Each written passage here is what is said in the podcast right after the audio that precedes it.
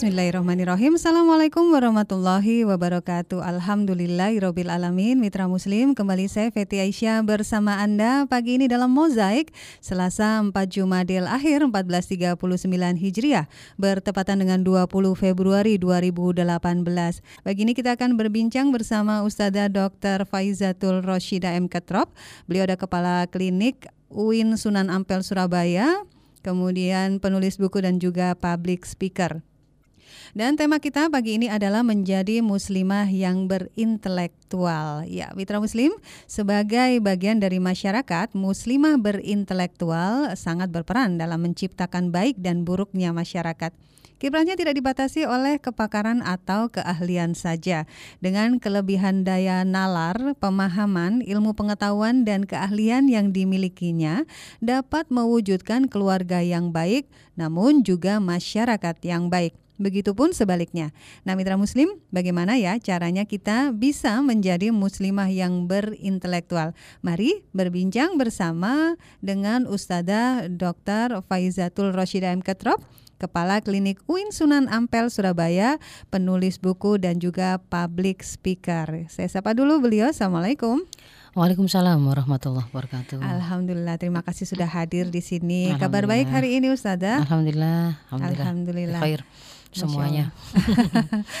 Selalu banyak harapan saya ketika ketemu dengan Ustazah karena banyak sekali ilmu yang bisa diserap ini. Amin, semoga semoga menjadi pertemuan yang barokah Mbak Feti Aisyah. Ya. Amin. Ya, intelek atau kita bicara tentang uh, muslimah yang berintelektual. Nah, apa sih sebenarnya makna yang akan disampaikan kepada mitra muslim pagi ini, Ustazah? Uh -uh. Jadi kalau kita uh, menyampaikan muslimah yang berintelektual, di situ ada dua variabel yang harus kita bahas ya Mbak Feti. Ada keberadaan kita sebagai seorang muslimah dan ada kemudian muslimah itu dilekati dengan uh, identitas tambahan atau kelebihan nikmat tambahan yang diberikan oleh Allah sebagai seorang intelektual. Nah, sebagai seorang muslim itu mungkin ini menjadi reminder bagi kita semua bahwa sering kali kemudian kita melupakan bahwa nikmat menjadi seorang muslim itu adalah nikmat terbesar setelah kita diciptakan oleh Allah. Setelah kita dihidupkan oleh Allah menjadi makhluknya, menjadi hambanya, maka nikmat terbesar setelahnya adalah menjadi seorang muslim. Mengimani keberadaan Allah sebagai zat al-khaliq al-mudabbir ya, pencipta kita dan segala, dan seluruh alam semesta dan termasuk Allah yang maha pencipta itu maha pengatur atas alam semesta termasuk kita. Nah, Uh, keutamaan menjadi seorang muslim atau muslimah kalau perempuan itu melekat kepada keutamaan Islam itu sendiri bahwa kita tahu apa namanya di dalam Al-Maidah ayat 3 itu Allah berfirman A'udzubillahi minasyaitonirrajim Al yauma akmaltu lakum dinakum wa atmamtu 'alaikum nikmati wa raditu lakumul Islam. Ini adalah ayat terakhir yang diturunkan oleh Allah kepada rasulnya yang berisi atau menunjukkan bahwa sejak ayat itu diturunkan eh, Allah mengindikasikan atau Allah menerangkan bahwa Islam itu sudah disempurnakan oleh Allah sebagai sebuah agama. Dia sudah sempurna, dia sudah kamil eh, dan syamil. Tidak ada satu hal pun yang terlewat dari penjelasan Islam. Sehingga dia itu adalah eh, sistem hidup yang akan mengantarkan kita para hamba-hamba yang diciptakan oleh Allah ketika menjalani hidup dengan Islam itu akan mengantarkan kita kepada misi penciptaan kita yaitu apa? Di antara 56 Allah berfirman wa ma khalaqtul jinna wal insa illa liya'budun. Bahwasannya e, tidaklah aku ciptakan jin dan manusia semua manusia itu dan jin itu tidak diciptakan oleh Allah kecuali untuk beribadah kepada Allah maka ketika kita menjadi seorang muslim ini adalah sebuah kenikmatan yang harus kita syukuri. Menjadi seorang muslim bukanlah uh, sebuah kebetulan dan tidak boleh menjadi sebuah kebetulan, tetapi dia adalah pilihan. Pilihan yang mengandung konsekuensi. Mungkin pada beberapa waktu yang lalu kita sudah pernah membahas ketika kita ngaku melalui sebuah proses pembuktian bahwa oh saya seorang muslimah, saya seorang muslim, ternyata di sana ada konsekuensi di Anisa 65 ya. Yang pertama adalah kita harus menjadikan risalah yang dibawa Muhammad sebagai pemutus atas segala persoalan yang kita hadapi. Yang kedua, setelah kita menemukan jawabannya di dalam Islam, maka kita mengambilnya uh, dengan sepenuh hati tanpa ada rasa keberatan sedikit pun. Ini untuk mengingatkan kita bahwa oh, menjadi muslimah itu sebenarnya adalah sebuah identitas tinggi yang melekat kepada ketinggian Islam itu sendiri yang Rasul di hadisnya mengatakan al-islamu ya'lu walayu'la alaih. Islam itu tinggi dan tidak ada yang lebih tinggi dari Islam. Sehingga kalau kita ingin menjadi orang yang tinggi, pertama kali pasti harus memeganglah pada Islam itu.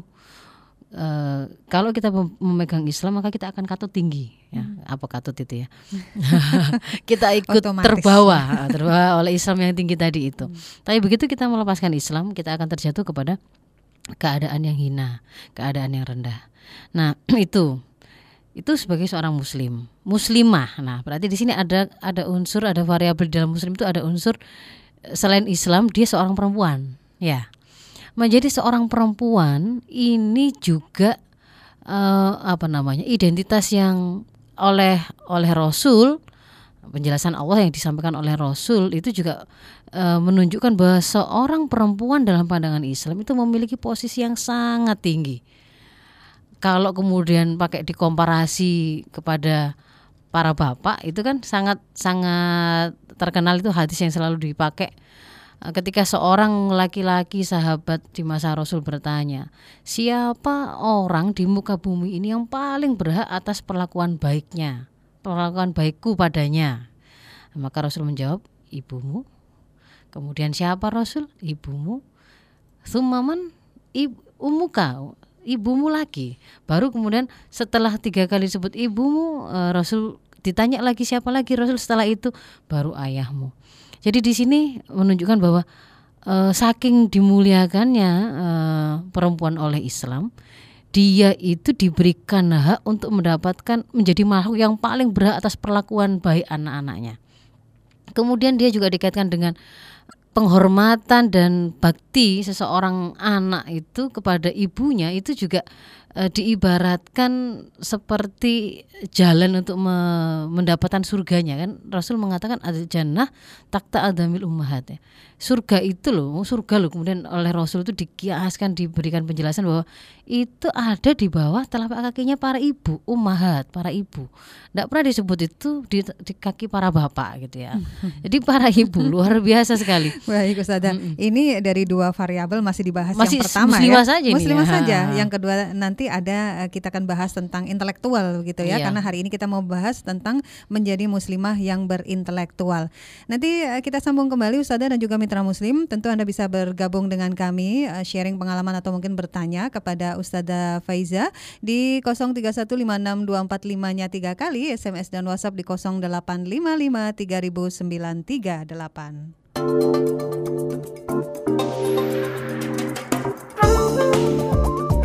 Anda sedang mendengarkan Mozaik, Suara Muslim Radio Network.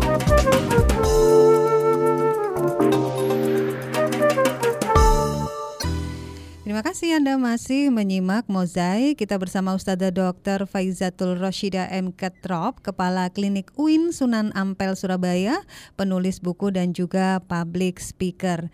Dan pagi ini kita membahas tentang menjadi muslimah yang berintelektual. Nah, Ustazah tadi dari dua variabel yang akan kita bahas, muslimah sudah dibahas ya? Mm -mm. Ataukah masih ada tambahan lagi uh. mengenai muslimah ini? Mm -mm. Ada sedikit. Mm. Jadi bahwa menjadi seorang muslim itu sudah sudah kelebihan tersendiri. Menjadi muslimah ya, menjadi perempuan yang muslim itu juga posisi yang sangat uh, bergengsi di dalam Islam sangat tinggi, tetapi di situ bermakna uh, ada kelebihan tanggung jawab yang harus diemban oleh seorang perempuan.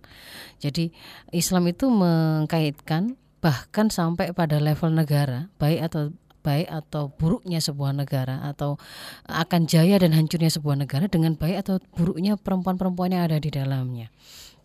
An-nisa'u imadul bilad Idza suluhat suluhatil bilad Wa fasada fasadatil bilad gitu ya. Jadi e, perempuan Para perempuan itu adalah tiangnya Atau pilarnya negara. Kalau mereka baik maka Negara itu juga akan jadi baik. Tetapi kalau mereka adalah para perempuan yang rusak Maka negara pun akan rusak. Dan ini e, bisa kita pahami Karena di dalam Islam pun kemudian e, Islam meletakkan amanah eh, pendidikan pertama, guru pertama dan guru yang utama buat anak-anak mereka dan generasi itu ada ada di tangan para perempuan. Sehingga kemudian diberikan penjelasan bahwa mendidik dan mempersiapkan anak-anak perempuan pun itu menjadi sebuah keutamaan yang sangat besar di dalam Islam karena ini tidak sekedar mendidik seorang anak perempuan tetapi implikasinya dia sedang mempersiapkan keluarga, dia sedang mempersiapkan masyarakat yang kuat dan dia sedang mempersiapkan sebuah negara yang kuat. Ya, jadi itu kalau terkait dengan uh, keberadaan menjadi seorang perempuan atau muslimah, Mbak Feti. Kemudian uh, apakah perlu uh, apa keutamaannya kita menjadi seorang yang berpengetahuan atau menjadi seorang yang intelektual? Ini juga sangat jelas, sangat gamblang penjelasan Islam di dalam di dalam surat Al-Mujadalah ayat 11 bahwa Allah berfirman A'udzubillahi minasyaitonirrajim yarfa'illahu alladhina amanu minkum walladzina utul ilma darajah. Orang-orang yang dia memiliki ilmu pengetahuan setelah keimanan mereka itu memang diberikan posisi yang beberapa derajat lebih tinggi. Tapi ingat ini dilekatkan oleh Allah kepada setelah mereka beriman. Jadi setelah mereka beriman, kemudian dia melengkapi dirinya, me, me, apa namanya, me, memodali atau ya membekali diri mereka dengan ilmu pengetahuan, maka orang-orang ini tadi akan menjadi orang yang ditinggikan oleh Allah beberapa derajat. Uh, akan tetapi sebagaimana kenikmatan apa pun yang lain Mbak Feti bahwa di dalam Islam itu sebenarnya setiap bertambahnya kelebihan nikmat yang diberikan oleh Allah kepada kita itu bermakna semakin bertambah eh, tanggung jawab yang harus kita emban atau kita sempurnakan. Nah, kalau kita mau mencoba mencari penjelasan sebenarnya siapa yang disebut sebagai kaum intelektual itu, maka sama sekali tidak kita temukan eh, pe, apa namanya pengkaitan intelektualitas itu hanya kepada eh, seberapa banyak gelar akademis yang dimiliki oleh seseorang ataukah eh, apakah dia memiliki titel tertentu keahlian keahlian atau kepakaran tertentu itu tidak serta merta menjadikan seseorang itu menjadi intelektual sejati dalam pandangan Islam.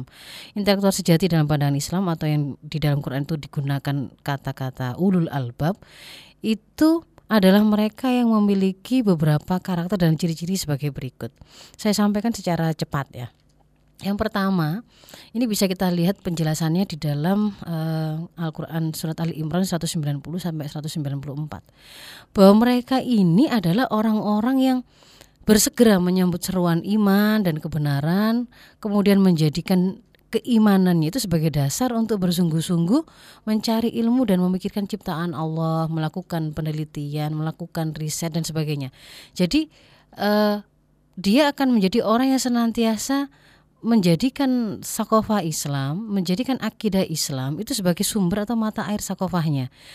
Dia tidak akan pernah berpenampilan sebagai orang-orang yang sekuler. Jadi, jadi justru kalau arusnya hari ini, ketika orang itu dididik oleh sistem pendidikan justru akan sangat semakin terasa di pendidikan tinggi itu justru agama itu dijauhkan dari dari sistem pendidikan kita sehingga dipisahkan. Ah, dipisahkan. Jadi seolah-olah justru kalau kemudian mau maju ya tinggalkan agama kan begitu. Hmm. Ketika melakukan penelitian, ketika melakukan uh, apa namanya pengamatan itu letakkan dulu agama pakailah kemudian metode ilmiah. Keilmiahan itu di atas kebenaran wahyu bahkan. Seperti hmm. itu hari ini hmm. kita diajarinya. Nah, bagi seorang ulul albab tidak begitu. Kenapa kok dia itu terdorong untuk melakukan penelitian, melakukan riset, melakukan pengamatan dalam posisi berdiri, duduk dan seterusnya? Itu karena keimanan yang dia punya. Jadi ilmu itu saudara kembar iman di dalam Islam itu. Hmm. Karena dia beriman kepada Allah, dia paham bahwa dia harus menjadi orang yang berilmu. Karena dia iman pada Allah, dia tahu bahwa Tolabul ilmi faridatun ala kulli muslim. E, menuntut ilmu itu adalah kewajiban bagi setiap muslim.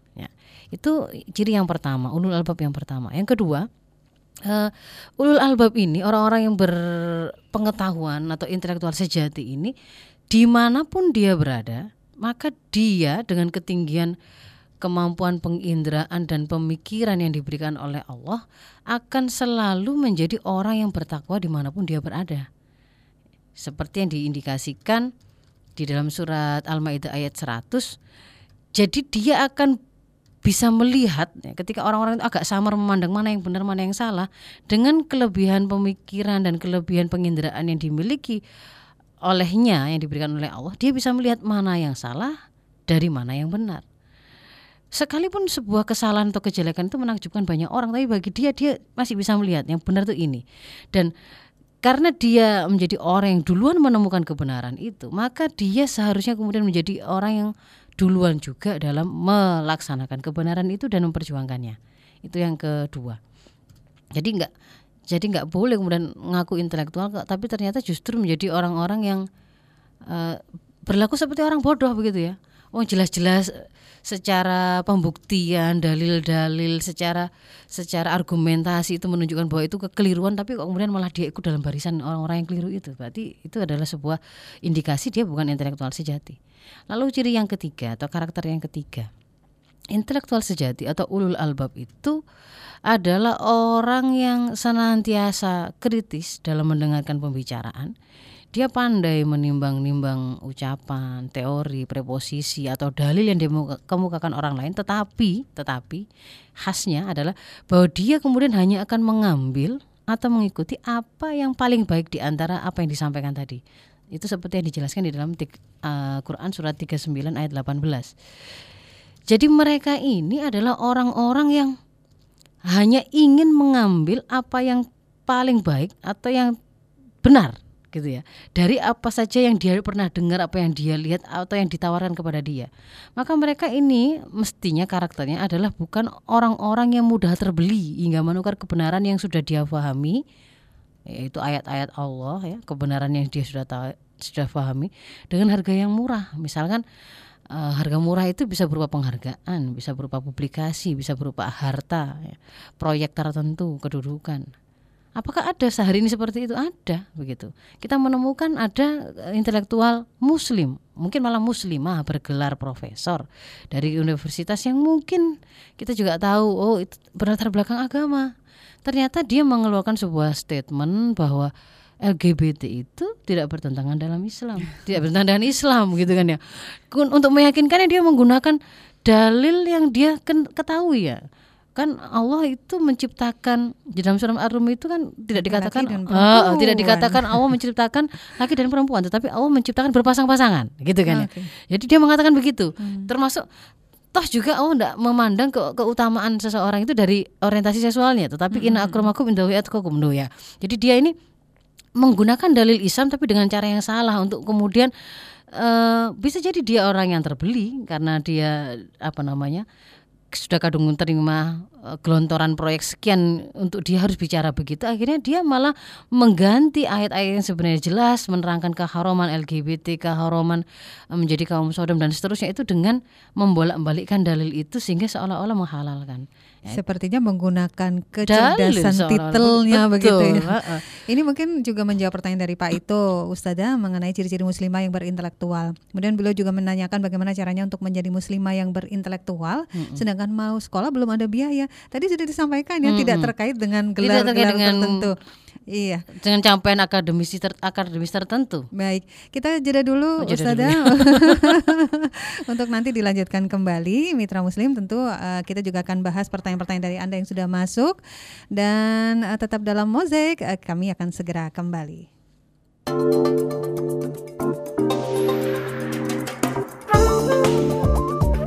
Anda sedang mendengarkan Mozaik, Suara Muslim Radio Network.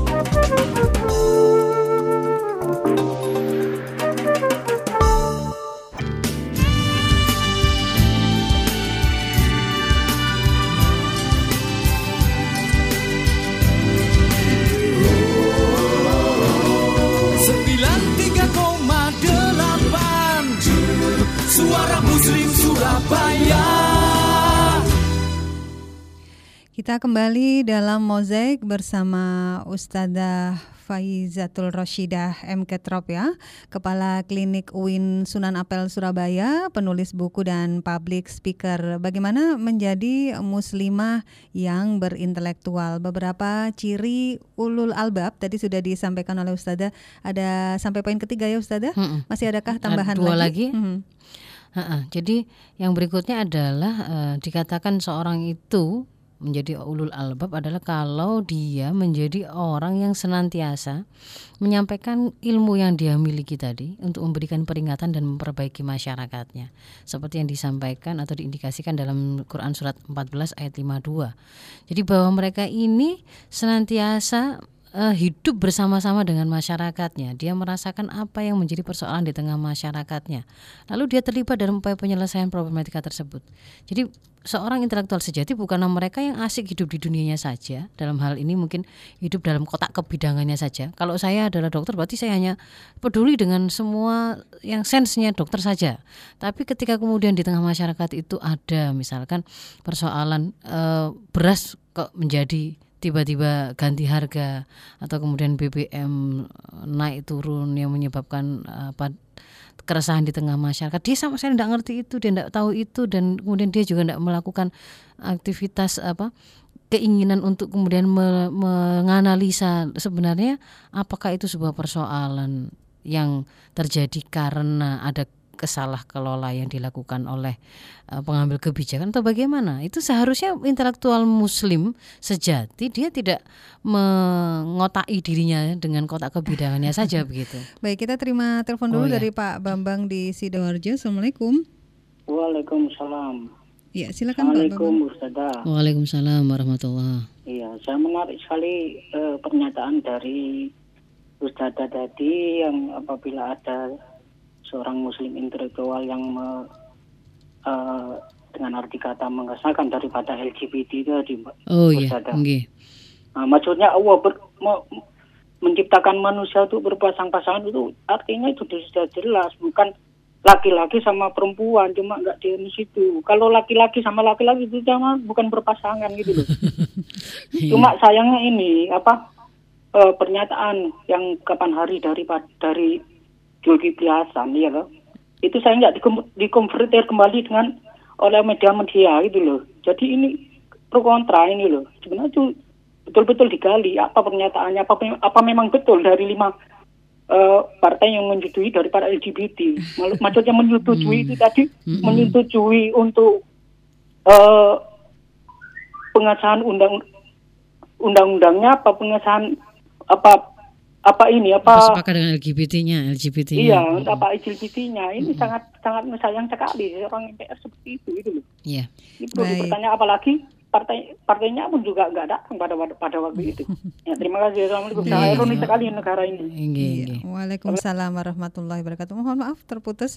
Ya, eh, Pak Bambang di Sidoarjo yang menyampaikan keprihatinannya ya. Eh, Ustazah silakan Iya. ditanggapi. Eh, satu sisi saya saya kurang tahu persis di eh, di mozaik ini apakah pernah dibahas secara detail tentang LGBT bah- eh, kaitannya dengan pandangan Islam terga- terhadap LGBT tersebut lalu dikaitkan dengan situasi mutakhir hari ini ya. Di situ ada memang ada banyak banyak hal yang berperan di situ Mbak Mbak Feti. Ada perjuangan melalui jalur bisnis, melalui politik, melalui jalur hukum, melalui dunia intelektual dan seterusnya itu memang sedang mereka lakukan. Dan itu kalau mau dibahas tersendiri mungkin kapan-kapan ya. Iya. Nah, tapi kalau mm-mm. tapi bahwa beliau itu menggarisbawahi bahwa memang kemudian di antara kesesatan atau kemaksiatan itu ternyata ada kalanya menggunakan tangan orang-orang yang tanda kutip intelektual seolah-olah mereka orang yang pintar mereka itu didengarkan oleh masyarakat luas karena dianggap sebagai orang yang lebih mengerti ternyata ngomongnya keliru karena mereka ternyata melacurkan diri tadi begitu. Nah ini sebenarnya kemudian eh, apa namanya menjadi reminder bagi kita semua ketika kita itu diberikan oleh Allah kelebihan ilmu pengetahuan, maka maknanya itu adalah bahwa pengetahuan yang kita miliki itu berkonsekuensi harus kemudian kita amalkan karena kita berilmu tadi kan sebenarnya karena dorongan iman. Ilmu dalam Islam kan saudara kembar iman. Karena kita iman maka kita kemudian terdorong untuk selalu menjadi orang yang berilmu. Ilmu itu adalah dalam rangka untuk kita amalkan dan kemudian kita gunakan dalam rangka meraih satu tujuan tertentu. Kita amalkan, kita ajarkan, kita sampaikan kepada masyarakat luas. Nah, itu tadi menjadi ciri yang keempat dari ulul albab ya. Jadi dia selalu hidup bersama masyarakat untuk kemudian merasakan apa yang terjadi di tantangan masyarakat, ada masalah apa, dia terlibat dalam solusi yang kemudian dia tawarkan dengan ke dengan kelebihan ilmu pengetahuan yang dia punya dia punya kemampuan untuk itu menjadi problem solver. Misalkan banjir ya. Nah dengan kalau kemudian dia adalah seorang uh, pakar atau ahli di bidang apakah itu dalam pengaturan tata kota dan seterusnya itu dia bisa di situ memberikan sebuah solusi. Lalu yang terakhir ciri dari ulul albab. Saya lanjutkan sebelum kita dengarkan pertanyaan yang lain ya Mbak Betty. Ya. uh, adalah bahwa seorang intelektual sejati atau ulama itu adalah orang yang memiliki rasa takut yang paling besar kepada Allah. Saking fahamnya dia akan hakikat Allah dengan ilmu yang dia punya, semakin besar rasa takutnya dia kepada Allah sampai membuat dia tidak memiliki rasa takut pada apa pun atau siapa pun kalau dalam rangka mentaati Allah. Begitu atau dalam rangka menyampaikan ke, menyampaikan kebenaran dari Allah. Sehingga tampilan dari seorang ulul albab sejati, intelektual sejati ini memang dia adalah sosok pejuang Islam yang hanif, yang lurus, yang militan, nggak mudah menyerah begitu. Itu ya. Jadi nggak nggak ada ceritanya terpisah begitu. Kalau di dalam Islam itu terus profesor-profesor tok tapi dia juga apa namanya uh, pelaku perzinahan. Nggak ada cerita Karena seperti ini itu. benar-benar jelas Hmm. tadi ya Mm-mm. ciri-ciri ulul albab itu masya Allah memang ilmu sejalan dengan iman. Ya, Betul. saudara kembar. Ustadz tadi, Iya. tadi menyebutkan seperti itu. Em, kemudian tadi dari Pak itu sudah terjawab se- sebagaimana yang disampaikan oleh Ustadzah. Pak Rahman terima kasih selalu menyimak mozaik. Terima kasih Ustadzah ilmunya semoga manfaat barokah. Terima kasih. Amin. Amin. Eh, Ibu Aziza di Rungkut menyampaikan, Ustazah saya punya kakak yang suka menyakiti hati ibu dengan perkataan yang kasar. Saking sakit hatinya ibu, sampai-sampai ibu bilang sama anak-anak yang lain, siapa yang membela si kakak maka aku murka kepada semuanya. Apa boleh kami diam-diam menemui kakak untuk eh, mungkin menasehati begitu Ustazah? Iya. Nggak usah pakai diam-diam. Kenapa pakai diam-diam? Men- kalau menasehatinya itu kan berarti bukan dalam rangka menunjukkan kesepakatan atau pembelaan kepada kakak. Ya, jadi man ra'a minkum mungkaran falyughayyiru biyadihi. Itu kan tuntunan dari Rasul kan begitu. Barang siapa di antara kalian kalian siapa siapa pun itu. Ketika melihat satu kemungkaran maka hendaklah dia merubah dengan tangannya dulu, dengan kekuasaan yang dia punya. Fa illam yastati kalau tidak mampu, tidak punya kemampuan atau kekuasaan, fabilisani dengan lisannya. Lisan itu bisa lisan lisan ataupun tulisan. Nasihat secara tertulis atau tersampaikan secara verbal. Fa ilam yastati fa biqalbi wa dzalika adzalful iman. Kalau tidak mampu juga ngomong, ngasih tahu, mengingatkan, mengoreksi, melakukan muhasabah, tidak mampu melakukan itu menunjukkan ketidaksepakatan dalam diamnya, menunjukkan eh, ketidaksetujuan atas kemaksiatan yang dia lakukan dan tetap mendoakannya. Nah, itu sebenarnya memang kewajiban yang harus dilakukan oleh siapa pun. Apalagi ini saudara kita, begitu ya.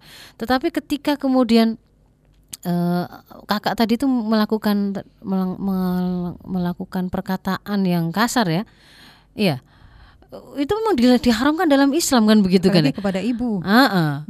kan fala taqul lahuma uff itu jelas itu dalilnya di dalam Quran itu bahwa, eh, kalian itu janganlah kalian itu mengatakan kepada kedua orang tuamu uh uff ya dalam bahasa Arab uff itu semacam kata seru yang eh, menyakitkan begitu. Bisa dalam bentuk apa pun. Bisa ah bisa hus bisa hah bisa seterusnya ya itu. Yang Itu saja tidak ah, boleh. itu saja tidak boleh. Mengatakan itu saja tidak boleh apalagi kemudian yang lain lagi. Dan ketika kemudian orang tua eh, dalam hal ini terutama ibu itu sudah mengatakan tersakiti seharusnya sang kakak itu bertobat itu. Karena eh, kalau pakai penjelasan hadis yang lain ya Mbak Feti ya. Dua kemaksiatan yang akan Allah segerakan adabnya di dunia itu adalah satu eh, apa apa namanya durhaka kepada orang tua. Yang kedua zina. Makanya kan sering kita dengar itu. Ketika misalkan ibu seorang ibu ketika sangat merasa tersakiti lalu bilang aku tidak ridho misalkan begitu kan. Tidak ridho dengan air susu yang ibu beri yang kamu minum kita kecil. Itu langsung gitu kita akan dengar kisah-kisahnya bahwa kemudian dia baru keluar dari rumah kena petir kah atau apa kan. Karena Oh, memang hadisnya mengatakan begitu bahwa dua hal ha, dua hal kemaksiatan yang akan Allah segerakan adabnya itu di dunia itu adalah satu kedurhakaan seseorang kepada orang tuanya yang kedua adalah zina. Nah zina itu di antaranya adalah munculnya apa penyakit HIV AIDS dan seterusnya Iya. Ustazah kita ke kilas warta dulu dan Oke. juga beberapa pesan untuk Anda.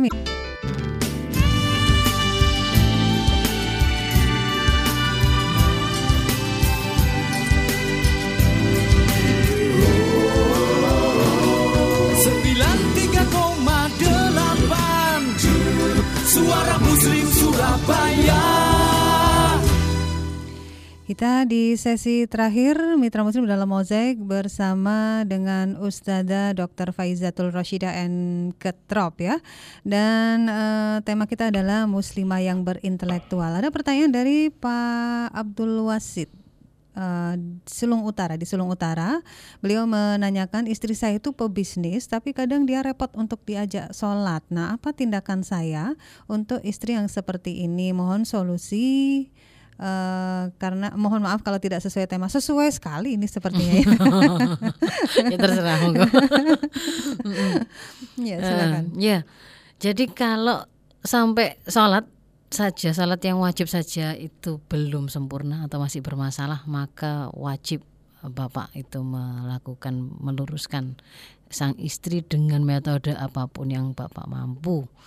Karena ketika kemudian eh, selama istri panjenengan itu tidak menyempurnakan kewajiban tersebut maka dosa tanggungan dosa atas kesalahan istri itu senantiasa mengalir juga untuk sang bapak.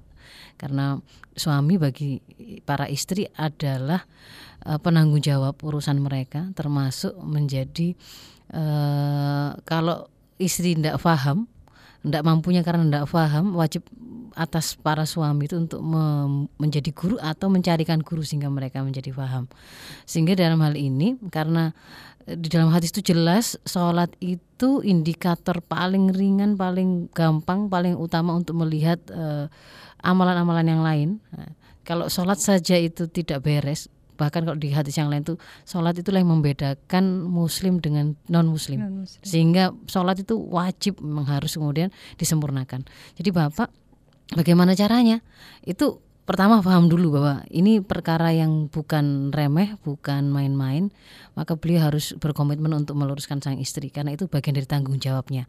Beda dengan kalau istri kepada suami itu bukan tanggung jawabnya itu bukan untuk memelihara dan me- me- me- apa namanya menanggung ya menanggung dosanya tetapi hanya mengingatkan kalau istri itu. Tapi kalau suami kepada istri itu hingga pada level ketika sang istri tidak bisa diluruskan selama kemudian istri itu masih menjadi istri beliau itu menjadi tanggungan dosanya beliau.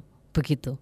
Bahkan kalau kemudian eh, sampai pada level tidak mau diluruskan itu ada ada peluang untuk di apa namanya dibuka peluang oleh oleh oleh Islam agar para suami itu mengambil langkah-langkah untuk meluruskannya mulai dari mengingatkan dengan cara yang ma'ruf, memisahkan eh, tempat tidurnya bahkan hingga aktivit yang berikutnya adalah memukul dengan tidak berbekas artinya takdib ya pukulan menyakitkan. ah, tidak menyakitkan dan tidak berbekas pukulan takdib. Nanti itu penjelasan tersendiri panjang tersendiri. Tetapi untuk melihat untuk menunjukkan kepada kita bahwa eh, suami itu ketika diberikan amanah untuk menjadi imam, menjadi pemimpin, menjadi penanggung jawab, dia oleh Allah sudah dilengkapi dengan perangkat perangkat untuk melaksan, bisa melaksanakan kewajibannya itu. Bahwa para istri ketika keluar harus seizin suaminya. Kan begitu kan ya? Itu kan bagian dari perangkat yang dia punya begitu. Se- sesibuk apa pun istri itu dengan urusan bisnisnya ketika suami tidak mengizinkan dia tidak bisa keluar. Iya. kecuali dia menjadi seorang istri yang nusus dan ketika sudah kemudian menjadi istri yang nusus yang mem- membangkang yang tidak taat kepada Allah dan suaminya di situ ada mekanisme peringatan yang harus dijalani oleh sang suami. Selama dia tidak melakukan itu maka dia menanggung dosa dari istrinya. Iya. itu Ya, ini sholat menjadi uh, sesuatu yang sangat-sangat penting Sangat gitu penting. ya, Ustazah. Yang berikutnya Ibu Agung, bagaimana memotivasi kedua putri kami yang beranjak dewasa untuk mau berhijrah menjadi muslimah yang baik di tengah pergaulan mereka? Sekaligus pertanyaan terakhir, uh, menjadi muslimah sebagai pendidik generasi peradaban ini sangat sulit ya di zaman now. Langkah awal apa yang harus kita lakukan? Ada dua pertanyaan, Ustazah. Mm-mm. Nah itu bisa dijawab dengan satu Iya. jawaban. Modal awalnya adalah menyadari menyadari posisi penting yang kita emban sebagai seorang muslimah. Kita itu menjadi tidak hanya menjadi pendidik dan eh, pendidik pertama dan utama bagi anak-anak kita, tapi kita juga ibu generasi. Ibu generasi pilar, pilar negara, pilar masyarakat. ya.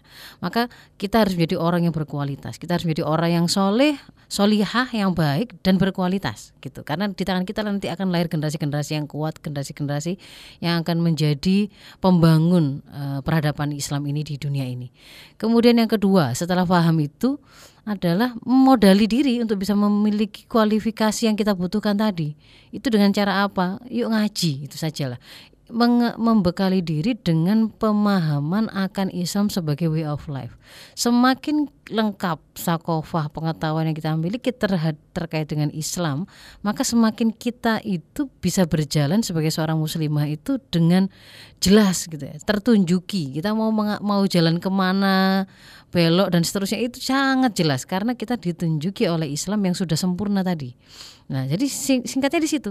Tinggal nanti di situ di- di- didetilkan lebih lanjut apa yang kemudian kita pelajari dari Islam. Saya berpesan jangan hanya membatasi untuk membahas atau mempelajari hal-hal yang seputar individual dan ritual saja. Karena Islam itu lebih dari itu. Jangan menjadi orang yang memisahkan Islam dari potensi yang dia punya sebagai sebuah ideologi atau sistem hidup. Jangan hanya sekedar menjadikannya agama untuk bicara atau ngatur urusan akhirat tapi urusan dunia enggak gitu ya. Ya mungkin itu Mbak Feti. Baik, ya Eh, sudah lewat waktu tampaknya. Mudah-mudahan ini eh, sudah menjawab semua pertanyaan dari Anda, Mitra Muslim. Dan saya sampaikan terima kasih tak terhingga kepada Ustazah Faiza. Mudah-mudahan apa yang Ustazah sampaikan ini menjadi ladang pahala bagi Ustazah. Amin. Sehat, Amin. sukses selalu. Assalamualaikum warahmatullahi wabarakatuh. Waalaikumsalam warahmatullahi wabarakatuh. Ya demikian Mitra Muslim perbincangan kita bersama Ustazah Dr. Faizatul Roshidah M. Ketrop Kepala Klinik UIN Sunan Ampel Surabaya, penulis buku dan juga public speaker. Semoga bermanfaat ya bagi kita semua eh, dalam eh, kita memahami peran kita sebagai muslimah yang berintelektual. Terima kasih rekan-rekan yang bertugas bersama saya pagi ini di Suara Muslim Radio Network. Produser sekaligus gatekeeper juga dalam kilas warta Nafisa Nuha, saya Feti Aisyah pamit undur diri dari ruang dengar Anda. Subhanakallahumma bihamdika nasyhadu alla ilaha illa anta nastaghfiruka wa natubu ilaik. Maha suci Engkau ya Allah dan dengan memujimu kami bersaksi tiada Tuhan yang berhak diibadai selain Engkau. Kami memohon ampun dan bertaubat kepadamu. Wassalamualaikum warahmatullahi wabarakatuh.